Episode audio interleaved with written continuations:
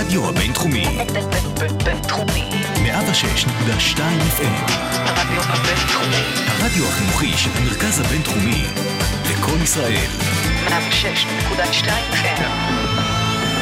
השחקן השישי, עם יובל גופר וסער גל. מדברים על ספורט, פסיכולוגיה ו... ספורט.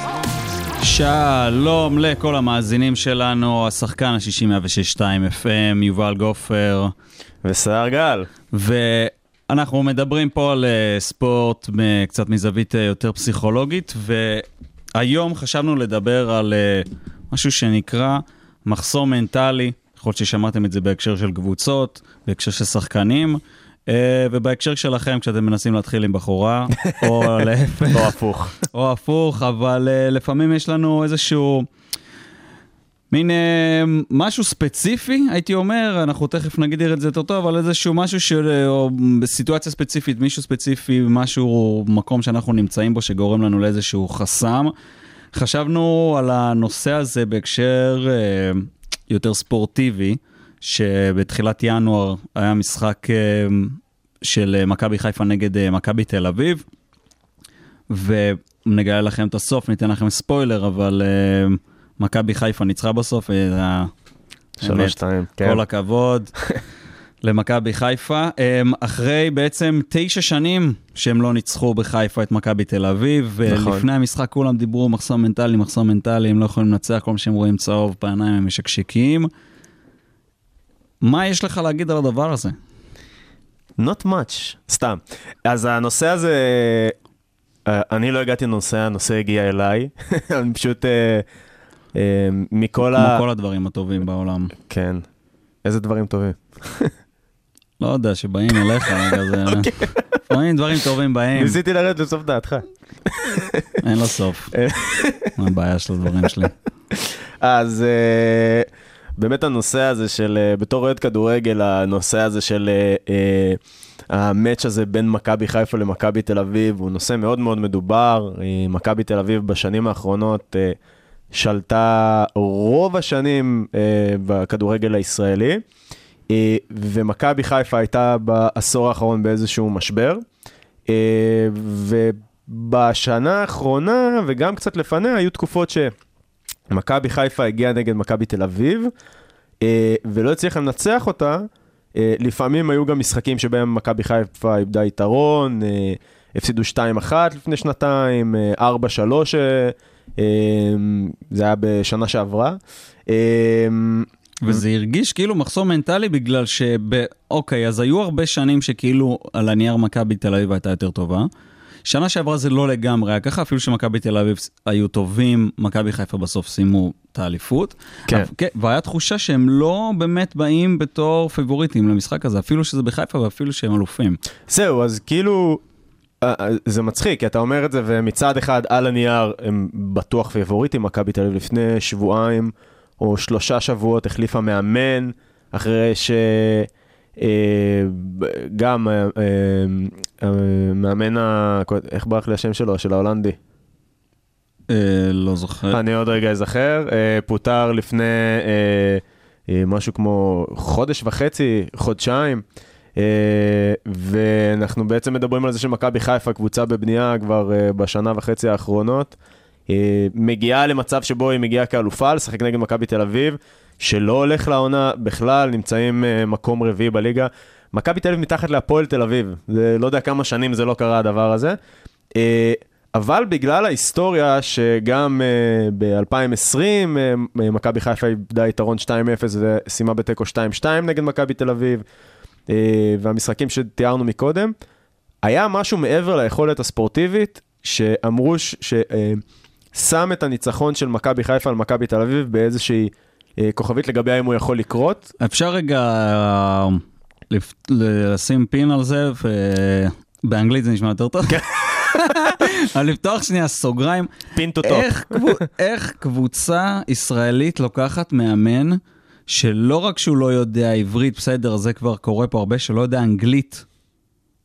המאמן של מכבי תל אביב עכשיו, עם מתרגם, כאילו, זה, זה לא שזה לא קורה, זה קורה בעולם. בעולם? זה קורה.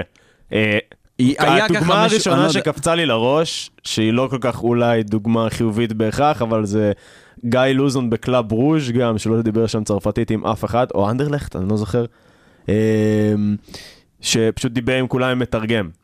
אמ, וזה משהו שהוא בהחלט אה, בעייתי מאוד, אבל זה קורה, זה לא שזה לא קורה. אתה חושב שזה יכול, יכול להצליח? אה, אני חושב שזה יכול להצליח עד רמה מסוימת, זאת אומרת, אם יש איזושהי תקופת אה, הסתגלות שבה המאמן לא מצליח לומד- לדבר את השפה, אבל אם הוא לומד תוך כדי ולאט לאט חוזר, אה, חוז... נכנס לעניינים עם ה... כל העניין השפתי, אז כן. אומר שאם אני זה- לא חושב זה שזה יכול להחזיק לאורך זמן, זה יוצר ריחוק נורא גדול. ריחוק נורא גדול מהשחקנים, ריחוק נורא גדול מהאוהדים, חוסר שייכות לקבוצה. בסוף הקבוצה, גם אם מכבי תל אביב מנסה להיות בינלאומית, ואוקיי, ולהביא אה, מאמן מבחוץ שהוא לא ישראלי, בסדר, זה, עברנו את המחסום הזה ממזמן. אבל, בחייאת, כן, פטריק ון לובן. זה אוקיי. המאמן של מכבי שפוטר. כן. אה, ואנחנו לא נוריד את זה בעריכה כדי שתראו שאנחנו אנושיים. סבבה. את זה שלא זכרתי את השם. בסדר, קורה. אה, אוקיי, חזרנו למכבי... כן. למכבי תל אביב ומכבי חיפה.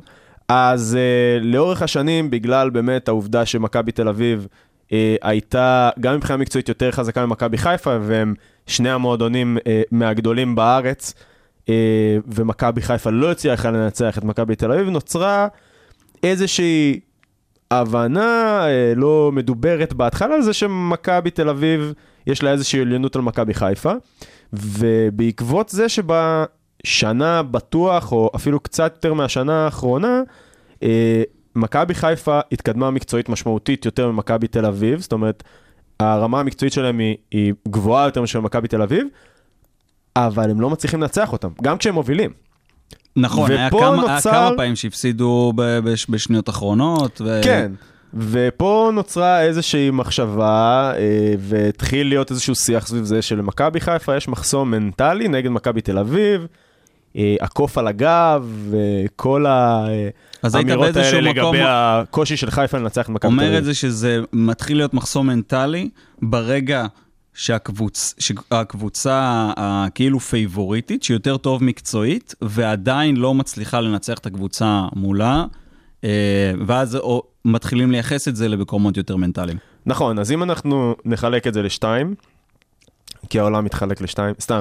נחלק, נחלק את זה לשתיים, נשים שאוהבים אה, תה עם סוכר ושקרנים. סתם. אז uh, מכבי תל אביב, uh, סליחה, uh, החלוקה לשתיים היא, יש לנו את הממד המקצועי, אם uh, ניקח את זה רגע לספורט יחידני, אם, uh, לא יודע, קופצת לגובה uh, מבחינת יכולת uh, פיזית וטכנית יותר טובה מהקופצת שמולה היא מתחרה, על הנייר היא אמורה לנצח. בואו ניקח את זה ונמשיל את זה רגע לרכבים. רכב, נגיד, עם אה, אה, מנוע יותר חזק ומפרט אה, טכני, או כמו מחשבים. ואין, מש... ואין חזק. משתנים פסיכולוגיים. כן, אז מי שיותר חזק, או הרכב נגיד עם המנוע יותר חזק, אמור... להגיע יותר מהר. להגיע יותר מהר. נגיד, קח נהג נתון, או בלי נהג, אוטו, או טייס אוטומטי, לא יודע. כן. אבל פה נכנס עוד איזשהו משתנה, נקרא משתנה ממתן, שנקרא המרכיב, שהוא בעצם המרכיב הפסיכולוגי. אם מכבי חיפה על הנייר, ועל הנייר היא הייתה שנה שעברה יותר טובה ממכבי תל אביב, לקחה את האליפות, אבל לא צריך לנצח אותה, פה כבר אה, נכנס אולי כן איזה מרכיב פסיכולוגי. נכון, ואני חושב שכשמדברים על מחסום מנטלי, כאילו יש לנו, אוקיי, יש בעיות מנטליות, יש הרבה שחקנים שיש להם בעיות, כאילו אנחנו דיברנו על זה הרבה, ועל הפן המנטלי-פסיכולוגי של, של הספורט, שמשפיע על, בסוף על ביצועים אה, פיזיים אובייקטיביים, סוג של, לא יודע איך תקרא לזה. אה, יש משהו במחסום מנטלי שעושה את זה מאוד ספציפי. נכון. שכאילו, אף אחד לא היה אומר, אם למכבי הייתה בעיה... אה, לסגור משחקים. היה לה בעיה מנטלית, ב... תמיד הייתה חוטפת גול בהערכות, שאתה היית אומר, אוקיי, יכול להיות שיש שם משהו שהוא לא רק מקצועי. יש משהו במחסום מנטלי של, אוקיי, מכבי תל אביב בשביל מכבי חיפה עם מחסום מנטלי. יש שחקן שכל פעם שהוא מגיע למדיסון סקוויר גרדן הוא משתנק. כן. זה, זה, זה נהיה משהו שם ספציפי. כן, אז uh, מעבר, מחסום מנטלי אנחנו באמת מדברים על משהו שהוא מעבר לירידה טבעית ביכולת, כי אני יכול להגיע למשחק מסוים, להיות מול יריב שהוא גם לא יותר חזק ממני, אבל לא להצליח לנצח אותו מהרבה סיבות, לא יודע, פתאום הקהל היה נורא, אה, הקהל של הקבוצה הביתית היה נורא חזק, והאווירה והכל, והפסדנו את המשחק, וזה יכול להיות באמת בלי איזו סיבה פסיכולוגית מורכבת או מתמשכת. אוקיי, אז אנחנו מתחילים באמת, אה, לא יודע, להבין טיפה יותר על מחסום מנטלי, אבל אם אתה צריך לאפיין מה בתכלס קורה, כאילו, אנחנו מבינים שיש שם איזשהו מחסום מנטלי, אבל אם אנחנו צריכים לצלול ולהיות טיפה יותר ספציפיים, איזה, הייתי קורא לזה סימפטומים מקצועית, אבל מה אנחנו רואים על המגרש, מה השחקנים חווים?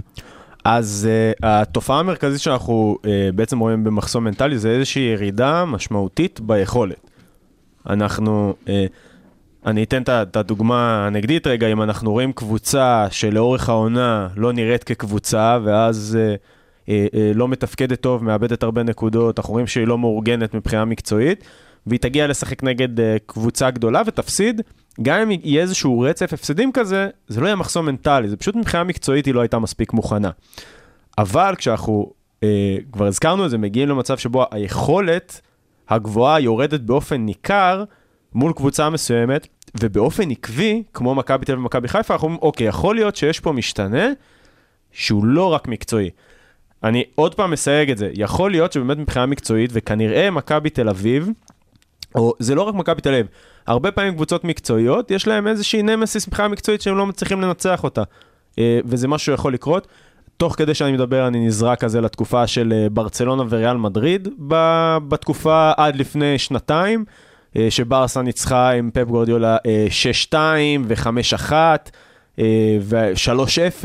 ו- ו- כאילו לריאל היה מחסום מנטלי עם ברצלונה. כן, אז, אני לא, אז זה מה שאני אומר, אני לא חושב שזה היה בהכרח מחסום מנטלי, אלא ב, באותן עונות, אה, ברצלונה פשוט שלטה מבחינה מקצועית אה, יותר, ו- והייתה יותר טובה מאשר ריאל מדריד. אני חושב שיש באיזשהו מקום, וגם הייתי אומר אולי צד חיובי למחסום המנטלי הזה, ספציפית במקרה נגיד של מכבי חיפה, מכבי תל אביב, שאם קבוצה תופסת מעצמה כקבוצה גדולה, אפילו שמקצועית היא כרגע לא משתווה למכבי תל אביב, נגיד אנחנו לוקחים כשהיה את המחסום המנטלי, חוזרים שלוש שנים אחורה.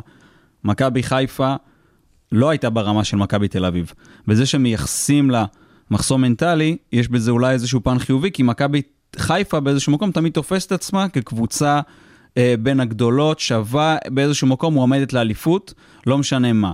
כי קבוצה שתופסת את עצמה תמיד כאנדרדוג, לא ממש יהיה לה מחסומים מנטליים, כי היא תמיד אומרת לעצמה, אוקיי, יש פה בעיה מקצועית, אבל ברגע שאני תופס את עצמי כתמיד אמ, אמור אולי להתמודד מול כולם ולנצח כל קבוצה, אז אני כאילו שם את עצמי תמיד כשווה, ואז יכול להיות שאני מאשים את הפן המנטלי, אפילו שהבעיה היא מקצועית. כן, אז אני חושב שנגעת ב... בד- בדיוק במה שרציתי להעביר מקודם. מכבי חיפה אה, בעצם מגדירה את עצמה. כעומדת. בקו אחד ברמה מקצועית עם מכבי תל אביב. אז אם אנחנו עומדים ברמה המקצועית עם מכבי תל אביב, ואנחנו לא מנצחים פעם אחרי פעם, כנראה שבאמת יש פה את העניין המנטלי. אה, אני לא יודע אם זה בהכרח דבר שהוא חיובי. אה, מה שחיובי בהקשר הזה זה שלמכבי, היה נראה שמכבי חיפה הולכת לכיוון, אה, ואם דיברנו אז בפרק על מוטיבציה, שאחת מההגדרות או אחד מהמאפיינים של מוטיבציה זה כיוון פעולה, כיוון ומשך, אז מכבי תל אביב, אה, סליחה, מכבי חיפה הלכה לכיוון הזה, וככה זה היה נראה, שהם באו לנצח את המשחק, והניצחון הזה נגד מכבי תל אביב, שכאילו ינפץ את המחסום המנטלי במרכאות, היה עניין של זמן בתחושה, זה היה צריך לקרות מתישהו. הייתי אומר על זה מקום חיובי אולי יותר במובן של נגיד אתה עכשיו עובד אה, עם קבוצה, או אני לא יודע, עובדים מישהו אחד על אחד, אפשר לגמרי להצביע על הפן החיובי במקום הזה במובן של בואנה, דבר ראשון, מגניב שאתה מצפה מעצמך לנצח. הבנתי, כן. אז בסטנדרטים של המועדון, אה, אני מסכים עם זה שיש פה, זאת אומרת, אה, זה מגיע ממקום שהוא ממג- חיובי במהותו. בדיוק. כן. ואת אז, זה אה, צריך לשמר. אז עכשיו אנחנו מסתכלים, אוקיי, האם באמת הבעיות הן מנטליות, האם הן מקצועיות, אמ, אבל את המנטליות הזאת של, של אה, לנצח, זה לא משהו שהוא מובן אה, מאליו, כאילו כן. ב- בעולם הספורט, בטח בישראל, ש, שמועדון שמצפה מעצמו כל שנה להיות בטופ. כן, אבל שוב, יש פה, זה כאילו אפשר להסתכל על זה בכל מיני כיוונים בחיוב ושלילה. אבל גם, היה מצופה ממכבי, הסיבה שזה כל כך נחשב כמחסום מנטלי זה שמכבי חיפה לקחה אליפות בלי בעצם לנצח את, את ה- הקבוצה את הקבוצה הגדולה. הגדולה שלקחה אליפות לפניה. נכון. אה, אז בגלל זה זה גם מוגדר ככה. בסוף מחסום מנטלי, אה, שוב, אין, אין במחסום מנטלי משהו שלילי, אבל יש פה משהו שדורש, אם אנחנו אה, מבינים שהבעיה היא לא מקצועית ויש פה עניין פסיכולוגי לטפל בו, אז מהבחינה זה לא דבר שהוא חיובי. אה, הם גם לגמרי אמרו שזה ישב עליהם, היה רעיון בסוף המשחק עם, אה, עם ברק בכר, ודיברו איתו על, על אה, כל הבילדאפ שהיה, וטה-טה-טה, ואיך, ואם זה השפיע עליו, כל השיח הזה לפני על מחסום מנטלי, והוא חד משמעית אמר, ברור שכן, כאילו כן. זה ישב עלינו. כן, כן, זה היה משהו מדובר. כשאני אומר מדובר, זה היה גם באמת מהכיוון של מכבי חיפה, גם מהכיוון של האוהדים, גם אנשי ספורט, פרשנים, שדרנים. אה, זה היה אה, די ניכר שבאמת יש פה משהו שהוא לא מקצועי בזה שמכבי חיפה לא מצליחה לנצח את מכבי תל אביב. אז מה, מה, מה, מה הדברים ש, ש, שגורמים לזה? כאילו, איך, איך אנחנו מגיעים לסיטואציה הזאת? אז uh, יש שתי סיבות. Uh, קודם כל, מחסום uh, מנטלי נקרא ככה כי בעצם uh, מדובר על איזושהי תפיסה פסיכולוגית uh, של מצב מסוים, uh, ב- ב- באופן שלא תורם לביצוע, ואני אסביר. Uh, קודם כל, מחסום מנטלי מתאפיין הרבה פעמים בחשיבת יתר. Uh, זה אומר שאני uh, מסתכל על האירוע ומנסה uh, כל הזמן למצוא, uh, האמת זה לא רק פתרונות, זה פשוט החשיבה הולכת לרוב היא שלילית סביב אותו אירוע. זה יכול להיווצר מזיכרון רע, כמו בהקשר של מכבי חיפה. Uh, הפסד אחרי הפסד אחרי הפסד, אחרי תסכול, אחרי כותרת, אחרי כל מה שהם היו צריכים לספוג מהתקשורת ואחרי כמעט אפילו השמצות בתקשורת לגבי היכולת שלהם וזה שמכבי חיפה... uh, אה, עם הבעיה המנטלית מול מכבי תל אביב והכל והכל, וכאילו לשים את האליפות שלה בכוכבית. זה יוצר איזשהו זיכרון רע, לא נגיד רע, נגיד שלילי או לא נעים, אה, של מכבי חיפה, אתה מפגשים עם מכבי תל אביב, ואתה, והפחד, אם אה, אנחנו מגיעים לאירוע מסוים בידיעה שאחת מה, מהתוצאות שלו עשויה להיות מאוד לא נעימה, זה יכול ליצור מחסום מנטלי. אני אתן דוגמה של מכבי חיפה, ספורטאי יחידני נגיד, שמגיע לאיזושהי תחרות, התכונן אליה הרבה זמן, אה, או הרבה מאוד מהספורטאים האולימפיים שמגיעים ויש להם one shot אחרי, אחרי פעם בארבע שנים. זה מטורף, אה? אה, תחשוב את הג'ודוקאים הישראלים נגיד, פתאום קופץ לי לראש שהגיעו, זהבי, אה, שהפסיד אחרי... אה, אריק זהבי? אריק אריק זאבי. אריק זאבי. לא יודע למה זה לא ישב לי טוב. כן. כן, שהוא בא מוכן וטה-טה-טה אחרי 17 שניות. כן. חטף זה, בום, אתה בחוץ. כן, ואתה מתכונן לזה כל החיים. אה, עכשיו, שוב, אה, זה לא אומר שהיה לו מחסום מנטלי, לא זה מה שאני מנסה להגיד, אני אומר, אה, אה, לפעם הבאה, זה היה, זה הייתה, זו הייתה האולימפיאדה האחרונה של אריק זאבי. אם אבל- זה היה בא עוד פעם, היה לו את הזיכרון. זהו, יש לך את החשש. מהזיכרון השלילי של הדבר הזה שקורה, זה נורא מציף, יש בזה, אה, הז, הזיכרון הוא מאוד חי, ויביד. אני של- של מה זה- שהיה. אני אומר את זה בזהירות בעולם הפסיכולוגי, זה מה שנקרא טראומה. כן, אז אה, מגיע כמעט לשם, זו לא, זה יכול להיות גם אומר, טראומה. אני אומר את זה כן? בזהירות, אבל בהגדרה של טראומה, שאתה חושב על זיכרון ואתה מרגיש אותו פיזית כאילו זה קרה עכשיו, וזה פוגע לך בביצועים. נכון, אז אה, זה, זה מה, מבחינת הזיכרונות. אה, הדבר השני שמאפיין מחסום מנטלי זה לא בהכרח זיכרון, זה יכול להיות פשוט תפיסה אה, של משמעות האירוע או ציפיות. ניקח נגיד ילדים, ילדים, ילדות שמשחקים או מתאמנים בגילאים יחסית צעירים ופתאום מגיעים לגילאים היחסית בוגרים, נגיד אה, בכדורגל מגילאי ילדים לנערים, ופתאום התחרויות מתחילות יותר, להיות יותר אינטנסיביות. אה, זה כבר לא... אה, זאת אומרת, הרמה מתחילה לעלות, הציפיות של המאמנים מתחילים מתחילות לעלות, ויכולה להיווצר תפיסה לגבי מה יקרה אם אני לא אנצח. זה לא חייב להיות בהכרח מאיזשהו זיכרון שלילי, אלא להתחיל איך אני תופס את עצמי כשחקן, מה זה אומר עליי, מה ההורים יגידו עליי, מה הסביבה תגיד עליי, וכל המכלול הזה יכול ליצור איזשהו פחד מתוצאה שלילית של האירוע. שני הדברים האלה, זיכרונות או ציפיות, או שהם גם קצת אה, חופפים, אה, יכולים לגרום לאיזשהו מחסום מנטלי לקראת, לקראת אירוע מסוים. אפשר לחשוב על זה גם, אה, טוב, אנחנו אוהבים לתת פה את הדוגמה של מבחנים, כי אנחנו פה באוניברסיטה, כן. אבל אה, זה גם קלאסי, אם אני במקצוע אחד, אני בסטטיסטיקה, כל פעם נכשל בסטטיסטיקה, כשאני אבוא עוד פעם, כבר יהיה לי באמת, אני ישר אחשוב על איך נכשלתי במ- במבחן הקודם וטה טה טה טה. מצד שני, אני גם יכול לחשוב אה, הפוך, מה שאמרת על הציפיות, אני חייב ציון של ככה וככה בשביל אה, להגיע, לעבור לתואר הבא, או בלה בלה בלה. וחשוב לנו באמת, אה, כשאנחנו באים לעבוד על זה ולשפר את זה, להבין מאיפה זה מגיע. דבר ראשון, לעשות את ההבחנה הזאת, נכון? אם, אם אנחנו... מה, מה בעצם עוצר אותנו? להתחיל להיות יותר ספציפיים כדי שנוכל להכיר את עצמנו ולדעת מה אנחנו יכולים אה, לשנות שם במחשבות שלנו. נכון, אז אה, קודם כל אנחנו צריכים להבין אה, איך שאנחנו ניגשים לזה עם ספורטאים. ברגע שאני מבין שיש פה מחסום מנטלי, שהסיבה לירידה המשמעותית ביכולת היא לא בהכרח מקצועית, אנחנו, אנחנו מנסים להבין מה קורה, אבל קודם כל אני ניגש באמת לפן המקצועי. אז אני אז זרקת פה מבחן ישר, נזכרתי, מבחנים בסטטיסטיקה. כן, היו לנו ארבעה בתואר, בתואר ראשון בפסיכולוגיה. אני קיבלתי 70... בממוצע, סתם. כן. 76, 76, 72, אלה היו הציונים שלי, ואז במבחן האחרון קיבלתי 92.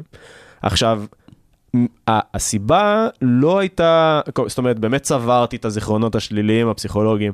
אני זוכר שלפני המבחן, אותו מבחן שקיבלתי 92, אתה ואני רק רצינו לצאת לשתות בירה לפני המבחן, כי כאילו כבר היינו כל כך כמה ימים בתוך, ה-. בתוך הסיפור הזה, היינו צריכים לשחרר רגע ו- ולסיים ללמוד מוקדם יום לפני. אמ, אבל אני הבנתי שפשוט הבעיה הייתה מקצועית, היא לא הייתה פסיכולוגית. עכשיו, היו, שלי, היו לי רגשות שליליים לפני המבחן, ולחץ ופחד, אבל בסוף הסיבה הייתה מקצועית, אני למדתי לא נכון וניגשתי לא נכון לשאלות. אותו דבר אני עושה עם הספורטאים. בואו נבין רגע אה, מה, מה, קורה ב, מה קורה מבחינה מקצועית. האם הסיבה היא אה, אה, שאתה, שפשוט הגענו לא מוכנים מספיק למשחק, אפילו ברמת ההכנה המנטלית למשחק, אה, או אה, עברה תקופה ולא התאמנו מספיק ב, מבחינה פיזית למשחק הזה. שאם אם הייתי אומר בכלליות, וגם נגענו לזה בכמה פעמים פה, בצניעות עם, ה, עם התוכנית שלנו, רוב הסיכוי, כשנוגעים בספורט, רוב העניין, רוב היכולת, הרוב זה מקצועי. כן, הבסיס להכל זה הבסיס המקצועי. זה שהפסיכולוגיה יכולה להגיע מכל מקום ולגרום, אה, או, או לסייע מאוד, או לגרום לאיזשהו חוסר הצלחה, אה, זה, זה, זה אף פעם לא מבטל את העובדה שהמוכנות המקצועית צריכה, צריכה להיות גבוהה. אמרנו את זה כבר כמה פעמים נכון, בפרק הזה. אז, אז אנחנו עדיין, אנחנו נשארים במקומות שהם באמת המחסום המנטלי, ועשינו את הניקוי והבנו שזה באמת משהו מנטלי. אחד הדברים שהכי, לא יודע, נראו לי מוזרים ב- בסיטואציה הזאת, או מעניינים, או whatever, זה שתשע שנים מכבי חיפה לא ניצחה את מכבי תל אביב בבית. אנחנו אומרים, אוקיי, יוצאים מנקודת הנחה שזה מחסום מנטלי. נגיד, בשביל הדיון פה. כן. אין אף אחד שהיה, ש, שעל המגרש שהיה, שנמצא בכל התשע שנים האלה. ברק בכר שאמר שזה השפיע עליו, הוא שם שנה וחצי. כאילו, איך אתה מגיע לסיטואציה קבוצתית, כאילו, במועדון, שאתה באיזשהו מחסום מנטלי שהוא על המועדון. בסוף כל שחקן שם, כל בן אדם, אינדיבידואל על המגרש, כאילו זה לא היה אמור להשפיע עליו, כי מה הוא קשור? נכון, כביכול, אבל יש אה, ירושה. העברה בין דורית. כן, דור, אה, אנחנו דור שלישי, דור, דור שלישי להפסדים דור במכבי. שלישי להפסד של מכבי. כן, אה, זה די נכון מבחינת אה, סגל השחקנים, זה באמת אה, אה, תשע שנים זה בערך אה, שלושה דורות בכדורגל. אה, אני לא יודע, אני מנסה לחשב את זה עכשיו בראש, אני לא יודע, אבל נניח שזה נכון. אה, לא הייתי טוב בסטטיסטיקה, אז אה, אל תבנו על מה שאני אומר מבחינה מספרית. אבל נגיד, אבל אנחנו דור שלישי. אנחנו, כן, אבל אה, כן, יש. יש בפסיכולוגיה קלינית המושג אה, העברה בין-דורית, אה, שילדים בעצם יורשים אה, כל מיני אה, אה, התנה, התנהגויות וקונפליקטים באופן לא מודע מההורים שלהם, אה, ואנחנו בעצם יכולים לקבל ככה טראומות. שבסוגריים, מחקרים עכשיו גם מראים שזה גם ממש ביולוגי עובר. אבל, כן, אה, גנטית. גנטי, ממש. כן. אה, אבל אני לא חושב שבמכבי חיפה זה עובר גנטי. נראה לי אלא אם כן הם, אה, לא יודע, לא. עושים שם מסיבות הדבקת קורונה לא ומעבירים גנטית, טראומות. כן. אבל מה שכן, אה, אם מדברים במונחים אה, שגם בתקשורת מדברים, אה, ב-DNA של המועדון, DNA המתודי, לא יודע, המטאפורי, אה, כן יש באמת איזשהו DNA שמושפע מזה. אז ברק בכר מגיע ומקבל את ההעברה בין-דורית של אה, אותו, אה, נקרא לזה, הדחף לנצח את מכבי תל אביב, או הנחיצות בניצחון על מכבי תל אביב, זה לא מתחיל בתשע שנים האלה, זה מתחיל משנים אחורה של יריבויות, עשרות שנים אחורה של יריבויות נגד מכבי תל אביב, ואתה מגיע למועדון, אה, כשאתה כבר יש לו איזשהו אופי מסוים שאתה צריך לשרת אותו. אם לאוהדים של המועדון שהגעת אליו חשוב לנצח את מכבי תל אביב, זה מה שיצטרך לקרות, ואם זה לא קורה, אז כל התשע שנים האלה, כל מי שהיה שותף במועדון, יעביר הלאה את הנחיצות ואת התסכול מזה שזה לא קרה. מדהים. אז שפה אני גם חושב שיש איזשהו כאילו פן חיובי, בגלל שבסוף אתה רוצה שלמועדון תהיה אופי, אתה רוצה שלמועדון תהיה מסורת, אתה רוצה ששחקן או מאמן מגיעים, הם מגיעים לתוך משהו קיים, הם לא פתאום מתחילים משהו חדש, בעיקר סביב האוהדים, שהם בסוף המועדון. אמ, ואני חושב מצד שני שזה נותן גם תקווה ל... לש... לשינוי. בגלל כן. שככה זה גמיש, אם אתה תיתן יותר בסיטואציות, האמת אני לא יודע, זו מחשבה מעניינת, אבל כן. האם, האם אתה צריך לוותר על האופי של המועדון כדי לשחרר, אה, כדי לשחרר מחסום מנטלי נגיד? זהו, אז אה, קודם כל מה שאתה אומר זה באמת מאוד מעניין. אה, אני חושב שמחסום מנטלי במהות שלו הוא לא דבר שלילי. לא, כל- איך? למה לא? כי כל דבר, זה, מדברים על זה, זה הרבה פעמים נשמע נורא קלישאתי, אבל שהאתגרים זה בעצם מקום להתפתחות. ואם אנחנו יודעים איך לנתב, תראה איזה, איזה עוצמתי איזה זה. שמחה זה היה כשהם ניצחו. כן, תראה איזה עוצמתי זה, שמכבי חיפה התגברה על אותו מחסום מנטלי, עד אותו רגע של לפני שריקת בדקה הסיום. 80 ומשהו, זה היה מדהים. כן, דקה 87 זה וואו, לאוהדים זה אקסטזה. כן. אז אתה למעשה... זה מהמשחקים האלה שאתה רואה ואתה כזה, איזה כיף זה כדורגל. כן, כאילו. ובסוף בקריירה של ספור... כל ספורטאי וספורטאית יש מחסומים מנטליים, פשוט פה זה משהו קצת יותר ביג ומדובר, ו... אבל אתה, צ... כל עוד הכיוון הוא לגבי התגברות עליהם ולמידה, אה, שם זה המקור להתפתחות, ככה, ככה, אני רואה את זה עם כל אה, ספורטאי שאני עובד איתו. אה, הם, יש המון מחסומים מנטליים, חלק מהם מאוד טבעיים, כי הם מתחילים בסוף ב... מחפשים את האתגר. כן, אתה, זה חלק מהאתגר. המחסום המנטלי זה כמו שאנחנו מדברים בפסיכולוגיה שהכל נע על איזושהי סקאלה, ובסוף מה שהמדד לבאמת מה יהפוך מחסום לאיזשהו אתגר מנטלי רגיל זה הדיספונקציונליות של זה. במקרים של מחסום מנטלי זה יכול גם לה, ל- להגיע אפילו לאיזושהי הפרעת אה, חרדה ספורטיבית או אה, חרדה תחרותית. כשזה מגיע לשם זה כבר דורש יותר טיפול, זה לא שלילי במהות שלו, זה פשוט יכול לפגוע בספורטאי, בהישגים מסוימים. אם הם יודעים, ל- אה, יש מי שמכווין אותם, או גם לבד, איך להתגבר על זה, זה, זה יכול להיות גם מכרה זהב. אז הרמת לי לבולה ל... תזהר לא להעיף עוד את. המיקרופון. אמ, כאילו, אוקיי, אז, אז אנחנו אומרים שיש בזה משהו חיובי, ואז באיזשהו מקום אתה אולי בתור אה, פסיכולוג עם קבוצה, תחפש אולי את המקומות האלה ממש כדי להציב יעדים וכדי לאתגר את השחקנים ואת הקבוצה ואת המועדון. השאלה היא האם השיח על זה הוא משהו שיכול להעצים את זה וכאילו לגרום, כי בסוף, בסוף המחסום המנטלי הזה זה שיח, זה, זה דיבור, זה מחשבות. אמרנו שאנחנו מת, מתייחסים לסיטואציה כשזה באמת רק מנטלי, אז האם רק עוד לדבר על זה יגרום אולי רק להגדיל את זה, ומה שאנחנו צריכים לעשות זה בעצם להגיד מההתחלה, אין מחסום מנטלי, אין דבר כזה להתכונן למשחק כאילו משחק רגיל, לשדר עסקים כרגיל, ופשוט אה, לגרום להורדת לחץ ככה. שאלה טובה מאוד.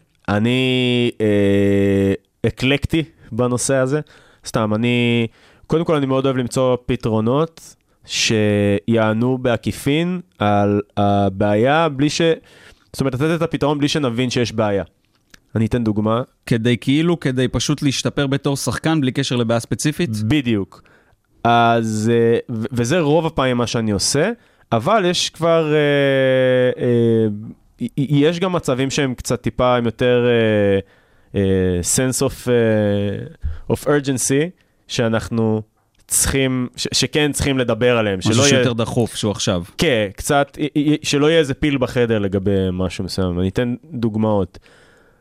הרבה, כמה מהקבוצות שאני עובד איתן, אני ראיתי שיש באמת איזושהי בעיה פסיכולוגית ברגעים מסוימים במשחק.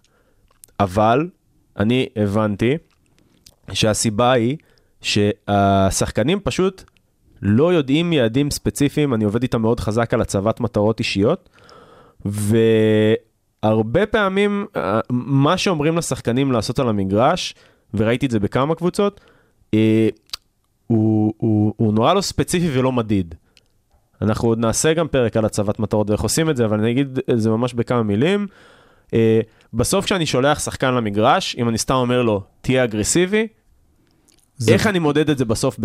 נגמר המשחק, אני אומר לו, וואלה, היית אגרסיבי או לא אגרסיבי? איך הוא יודע גם ככה, שהוא יודע שהוא הצליח או לא הצליח? בדיוק. עכשיו, אם אני נותן לו יעד, נגיד, לא יודע, לרדת לעשרה תיקולים, אני סתם זורק, אה, לרדת לעשרה תיקולים במשחק, ולהגיד לו, אם אתה יורד לעשרה תיקולים במשחק, ככה אתה אגרסיבי, אחלה. איך זה אני- מתחבר ל... אז אני יודע למדוד את זה. איך זה מתחבר? כשלשחקנים יש יעדים על המגרש, שאנחנו יודעים כל הזמן לדחוף אותם, הם יודעים מה הם צריכים להשיג, מטרות ברורות, קלות, ולא לזרוק להם, יאללה, תהיה עוד יותר אגרסיבי. זה, הם יודעים בעצם... אז לה- זה בכלליות יוריד את, ה... את החרדה. זה בלי עוש- קשר ספציפית למחסום מנטלי. את, יעלה להם את תחושת השליטה, ויעלה להם את המוטיבציה להצליח. כי אם אני עכשיו מכמת לך מספר פעולות שבשליטתך לעשות על המגרש, אתה תהיה יותר פרודוקטיבי. אתה תהיה עסוק בלהיות יותר פרודוקטיבי. ואז אני פחות ב- אתעסק בכל המחסומים המנטליים, וזה משהו, כאילו זה נקשר במה שאתה אומר, אני פשוט נותן כלים ל... ל... אני נותן כלים לעבודה או ל... אמ, לבעיות חרדה, סוג של בגדול, חרדה ספורטיבית, תקרא לזה איך שאתה רוצה, ואז המחס... המחסום המנטלי ועוד הרבה בעיות מנטליות פשוט ייעלמו. כן, אנחנו ב... לא יודע אם ייעלמו, אבל אנחנו רוצים, יעזור, ליצור... אנחנו רוצים אנחנו רוצים. ליצור בסיס מקצועי יותר טוב, ביחד עם אה, תחושת שליטה ומוטיבציה אה, פנימית יותר גבוהה אה, לעשות מטלות, ו- ואנשים הם יותר פרודוקטיביים כשברור להם מה מצופה מהם. אני חושב שגם, כן, ואז אפשר להכניס את המחסומים המנטליים האלה כקטע של אקסטרה מוטיבציה פשוט אישית. אני חושב עכשיו על מייקל ג'ורדן ופיל ג'קסון, שהיה שם נגיד את פיל ג'קסון, שאני חושב היה מאוד, אני מדבר אוקיי על uh, בולס של uh, שנות ה-90, מאוד, פיל ג'קסון מאוד עסקים כרגיל, טה-טה-טה, להגיד לכל אחד מה לעשות, יש לנו את המשחק שלנו, אם אנחנו נעשה אותו כמו שצריך, אנחנו ננצח כל קבוצה בכל כן. סיטואציה. ומצד שני, אז מייקל ג'ורדן נתן לעצמו את ה... הייתי קורא לזה במקרה שלנו, אז את המחסומים המנטליים האלה ואת, ה... ואת האתגרים האישיים האלה לנצח כל פעם, וכדי בעצם לתת לעצמו אקסטרה מוטיבציה ועוד דברים אישיים כאלה של מכבי חיפה נגד מכבי תל אביב. שאם עכשיו המאמן, אני, עכשיו אני חושב על זה גם אותו דבר קצת במכבי חיפה במשחק הזה. היה, ירד, הגיעו למצב של מינוס 2 אה, תוך 14 דקות, כמה כן, זמן 14 זה היה? דקות. 14 דקות הם במינוס 2. גול אחד עצמי, תוך דקה. ואני, כן, וואו, זה היה, חזיזה, כן, כן. ואחרי זה עוד אחד. ו, וברק בכר באיזשהו מקום שידר כל הזמן עסקים כרגיל. לא עשה איזה חילוף אה, מוזר אה, פתאום. במחצית הוא אמר שהוא כמעט לא דיבר איתם, אה, לא יותר ממה שהוא מדבר במשחקים רגילים, וממש, ושידר רוגע על הקווים.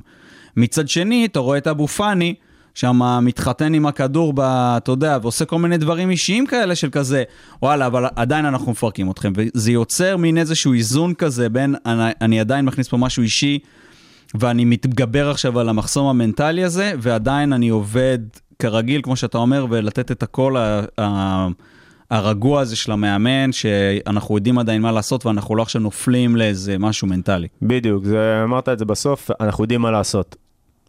כשיודעים מה לעשות, אה, יש הרבה פחות אה, תחושה של מצוקה.